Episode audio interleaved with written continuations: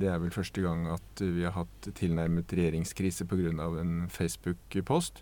Og den eh, posten, den, eh, vel, den handlet om terrorister og, eh, og statsborgerskap. Man skulle ta fra passet fra de som har vært ute som fremmedkrigere. Men bakom ligger det jo også en, en kritikk mot innvandring fra muslimske land. Og vi ser at Listhaug bruker korset rundt halsen også som en del av en kommunikasjonsstrategi, men selvfølgelig personlig engasjement bakom. Så det er veldig mange eh, nyanser og dimensjoner som flettes i hverandre her. Men jeg syns det vi så i forrige uke sånn sett er et, eh, et talende eksempel på hvordan medie, religion og konflikt flettes i hverandre, og hvordan, eh, hvordan mediebruken spiller inn både på Eh, religionsforståelsen i offentligheten og eh, inn i politikken. Det sa Knut eh, Lundby. Han er professor ved Institutt for mediekommunikasjon på Universitetet i Oslo. Og mitt navn er Arne Krumsvik.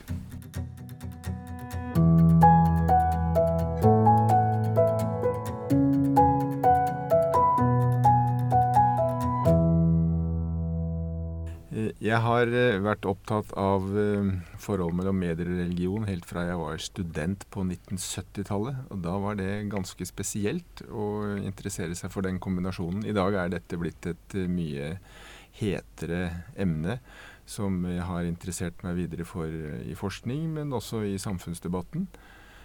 Og det vi så her eh, for kort tid siden rundt uh, Listhaugs avgang som minister, er jo kanskje et eksempel nettopp på at dette nå er blitt uh, veldig konfliktfulle temaer. Det handler om politikk, men bakom politikken så ser vi også religiøse spenninger som tas ut og formidles, kultiveres ved mediebruken. Eh, det er vel første gang at vi har hatt tilnærmet regjeringskrise pga. en Facebook-post. Og den eh, posten, den, eh, vel, den handlet om terrorister og, og statsborgerskap. Man skulle ta fra passet fra de som har vært ute som fremmedkrigere. Men bakom ligger det jo også en, en kritikk mot innvandring fra muslimske land. Og vi ser at Listhaug bruker korset rundt halsen også som en del av en kommunikasjonsstrategi, men selvfølgelig personlig engasjement bakom. Så det er veldig mange eh, nyanser og dimensjoner som flettes i hverandre her. Men jeg syns det vi så i forrige uke sånn sett er et, eh, et talende eksempel på hvordan medie, religion og konflikt flettes i hverandre, og hvordan, eh, hvordan mediebruken spiller inn både på Eh, religionsforståelsen i offentligheten og eh, inn i politikken. Har religion blitt uh, tydeligere til stede i media de siste åra? Ja, det har blitt tydeligere med religion i offentligheten. Det betyr jo ikke at folk er mer religiøse, men at det er blitt mer konflikt rundt religion. Og vi vet fra flere ulike undersøkelser at kanskje tre av fire nordmenn tenker om religion, og da gjerne internasjonal i sammenheng, i, i, forbindelse med konflikt heller enn i forbindelse med fred. Så det er ikke så mye spørsmål om, eh, om tru eller ikke tru, men det, det, er mer et konflikttema? Det er blitt et konflikttema for veldig mange, og vi har jo også sett mer åpne eh, debatter om religion, mer religionskritikk, som, eh, som er mer åpen enn om du går noen tiår tilbake.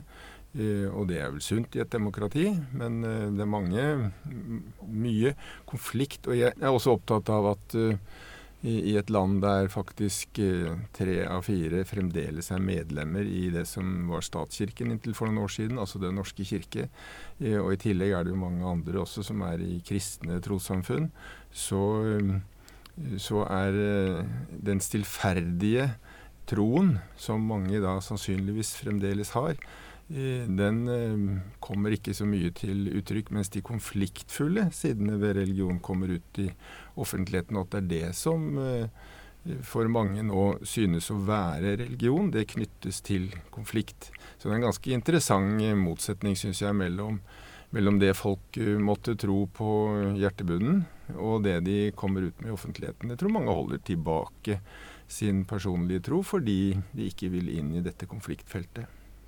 Er det, er det forskjell på hvordan lokale medier og, og riksmedier dekker eh, religiøse spørsmål?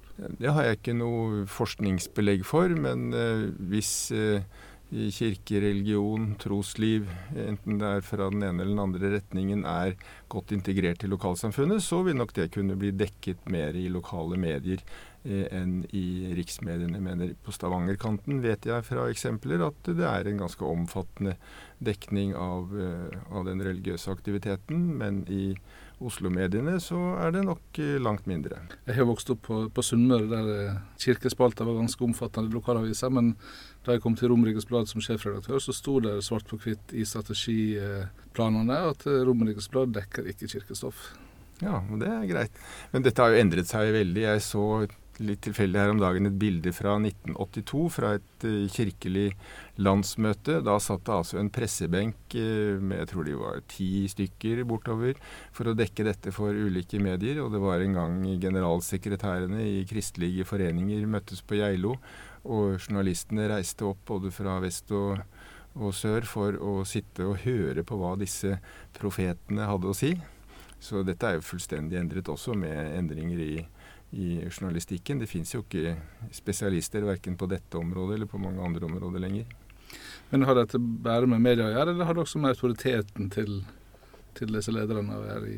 ja, Det er absolutt med autoriteten til, til lederne å gjøre.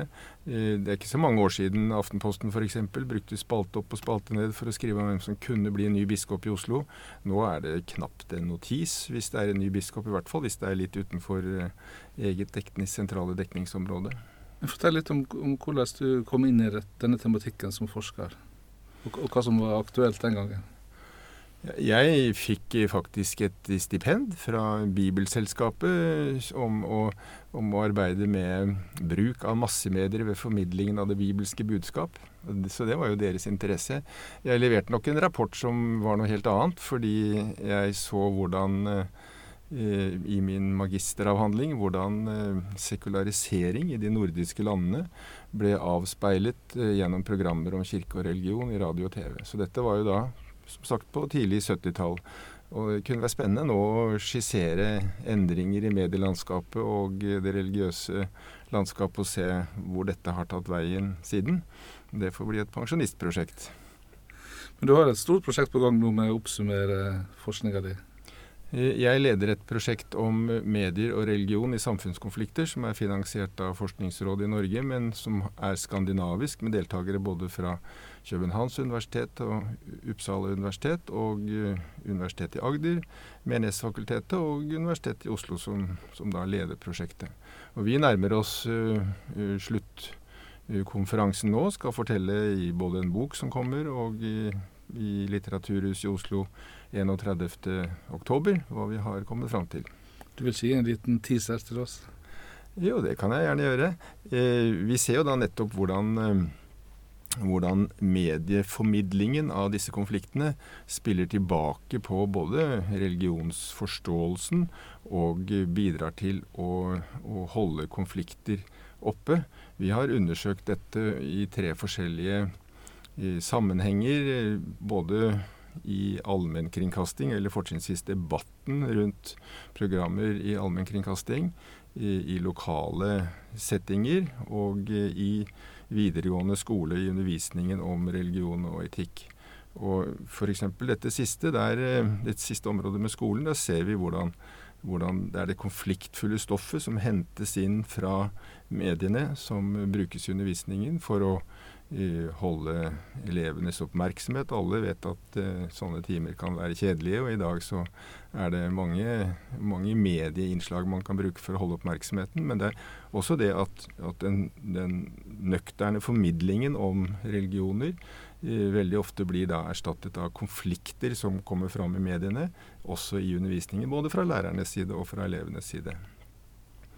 Uh, I, I lokale studier så ser vi hvordan unge muslimer kan kjempe med det dominerende mediebildet, hvor de oppfatter at de er under press som nye borgere i, i sitt land. Og hvordan en del av dem velger å gå til uh, lokale dialoginitiativ som en slags uh, mot, uh, et mottrekk mot den dominerende mediedekningen. Sånn at det er jo alternative strategier også. Vi har sett dette i også programmer om religiøse Det som kunne vært framstilt som religiøse konflikter i allmennkringkasting. Danske kolleger har har sett på en TV-produksjon der de var veldig bevisst på å prøve å unngå å havne i den polariserte, vanlige motsetningen omkring islam i Danmark. Og faktisk klarte å unngå mye av det, bl.a. ved å unngå å knytte framstillingen av de unge muslimene som det gjaldt, til islam. Altså spille ned religionssiden. Og framheve andre sider ved dem som, eh, som uh, borgere og medmennesker. Men så er det da andre uh, undersøkelser vi har fra Sverige, der vi ser i radioprogrammer om tro og mennesker og tro, som det heter.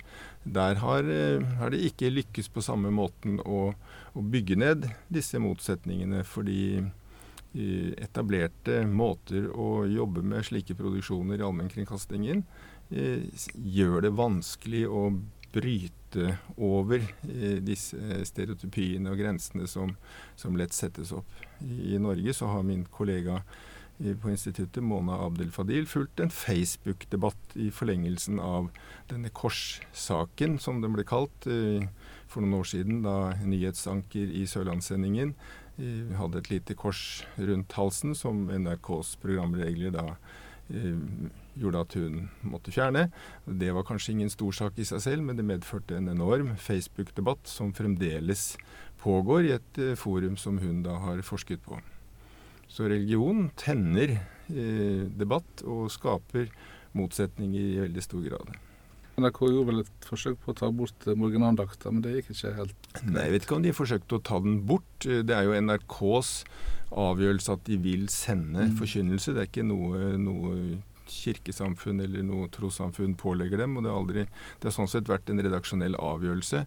Eh, de har kuttet litt ned på det, men det jeg har vært opptatt av, er heller hvordan den er omform, hvordan morgenandakten er omformet. For eh, da jeg begynte mine studier av medier og religion, så eh, var det kirkens folk som definerte premissene og morgenandakten ble i svært mange år lagt opp etter Bibelselskapets bibelleseplan. Altså det var de religiøse institusjonene som på en måte la premissene, selv om kringkastingen åpnet uh, sin, sine sendinger for, for, dette stoffet.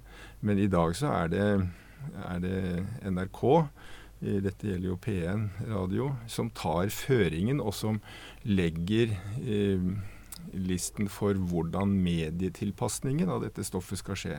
Så det er mange rundt om i kirkelige miljøer i dag som syns at radioandakten er blitt noe helt annet. At det er blitt eh, kåserier eller, eller, hva. Men dette er for meg en, et lite eksempel på det jeg kaller medialisering av religion. At, uh, at det religiøse uttrykket i offentligheten også over tid omformes ved uh, den formidlingen og, og de den framstillingen som er i mediene. Fordi du må tilpasse deg medienes uh, måte å formatere budskap på. Uh, over lang tid så vil dette kunne være med å spille tilbake på hvordan religion oppfattes i offentligheten, og også da kanskje av den enkelte. Det å forske på um, konfliktfylt stoff, og som kanskje blir mer og mer konfliktfylt, mm. er det også risikabelt for, for, for den som gjør det, for forskeren?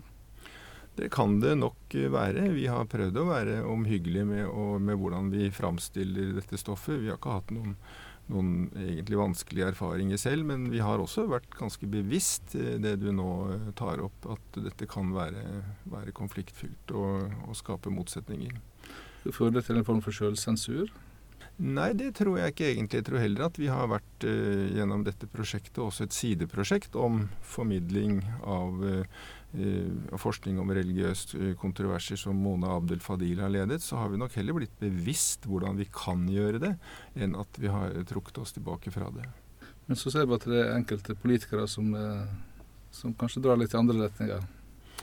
Ja, det er riktig at, uh, at dette kan uh, tematiseres uh, og spilles opp som konflikt. Sånn som jeg nevnte innledningsvis, debattene rundt Listhaug, som kan ha nettopp sånne undertoner. Men det kan jo være mange, mange retninger der hvor, hvor, politikerne har sine bestemte ønsker om å dra debatten i, i sitt spor. Så det er en underliggende konfliktlinje inn i politikken, samtidig som, eh, som det altså er eh, et tema man også unnviker når du nærmer deg det mer personlige. Så det er en veldig interessant motsetning, motsetningsfylt bilde. Hvis dette med, med religiøsitet og sekularisering er en slags pendelsvinging, eh, har pendelen begynt å svinge tilbake fra det som du registrerte når du begynte med dette? Ja, jeg tror nok vi fremdeles har en ganske gjennomgående sekularisering. At uh, selv om vi kan si at religion er kommet tilbake i offentligheten, så betyr jo ikke det at religion vender tilbake som, uh, som sentralt i samfunnsbygget. Uh, så sekulariseringen er nok en, en prosess som pågår og får nye uttrykk. Men, eh, men eh, at det likevel At nettopp det at det er omstridt i offentligheten, også kan være et uttrykk for en underliggende sekularisering. Det er mye mer eh, debatt fra ateistisk hold, fra, fra ulike retninger som er religionskritiske, og som nettopp vil bygge ned religionens rolle i samfunnet. Du er jo nær pensjonsalder nå, professorpensjonsalder på 70 år. Men du har ikke tenkt å gi deg helt med forskning, regner jeg med? Hva slags tematikk er det du har lyst til ja, å jobbe med fremover? Det er riktig. Det, har, det gir en større frihet eh, å bli pensjonist. Jeg, jeg, har lyst til å forfølge denne gamle mm, oppgaven min om, eh, om medier og religion, og se hvordan eh, endringer i religions, det religiøse landskapet og medielandskapet har utviklet seg i Norge de siste 40-50 årene. Og, og, prøve å trekke noen linjer innenfor den videre samfunnsutviklingen. Eh, så der har jeg mange biter av studiet selv, og kolleger i Norden har eh, gjort mye som jeg kan dra veksler på. Så jeg har lyst til å prøve å sammenstille det. Det, det kan jeg sysle med alene uten å måtte organisere prosjekter med mange andre.